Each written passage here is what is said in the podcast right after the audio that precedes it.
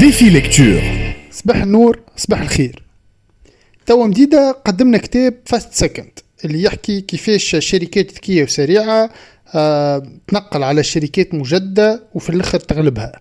اليوم باش نرجعوا لنفس الشيء على مستوى وسلم الدول على échelle d'État في أحد أكثر الصناعات تجديدا وتكنولوجيا في القرن الماضي صناعة الساعات كتاب اليوم غاترابي et dépasser la Suisse histoire de l'industrie horlogère japonaise كتبوا بيير إيف دونزي صدر في les éditions ألفي l'édition وبريس يونيفرسيتير سويس سنة 2014 من 504 صفحات آه، الكاتب بيير إيف دونزي مؤرخ سويسري يعيش في اليابان مدرس بروفيسور اسوسي في جامعة كيوتو عند كتابة ونشر الكتاب ثم أستاذ في جامعة أوساكا وهو اختصاصي في التاريخ الصناعي l'histoire industrielle وتاريخ التكنولوجيا والطب.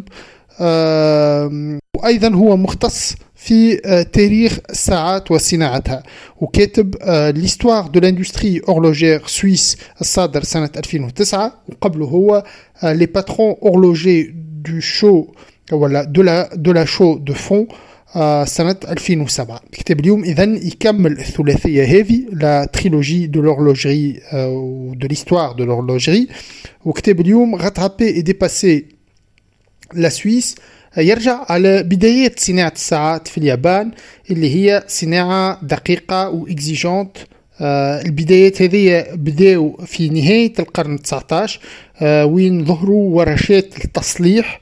الساعات تحولوا فيما بعد الورشات لصناعة الساعات بشكل يدوي تقليدي ثم لصناعة كاملة ونسيج صناعي متكامل.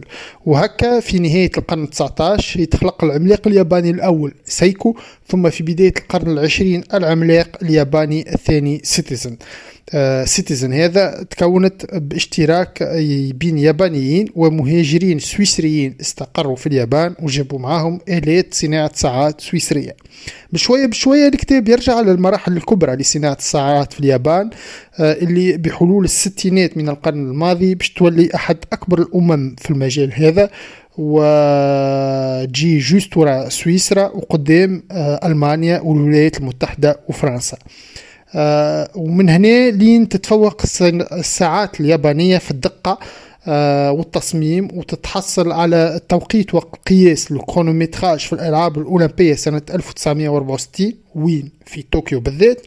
ثم تنتصر في مسابقات ال chronométrage اللي نظمهم المرصد السويسري آه، في نوشاتيل كل عام باش تنتصر الساعات اليابانية على الساعات السويسرية وساعات باقي العالم مرتين على التوالي ولأول مرة سنة 1967 ثم سنة 1968 الكتاب يوصل بينا إلى اختراع وتسويق ساعات الكوارتز الأولى سنة 69 من قبل سايكو ثم بقية المصنعين اليابانيين. ساعات أدق بعشر مرات من الساعات الميكانيكية السويسرية وأرخص منها برشا.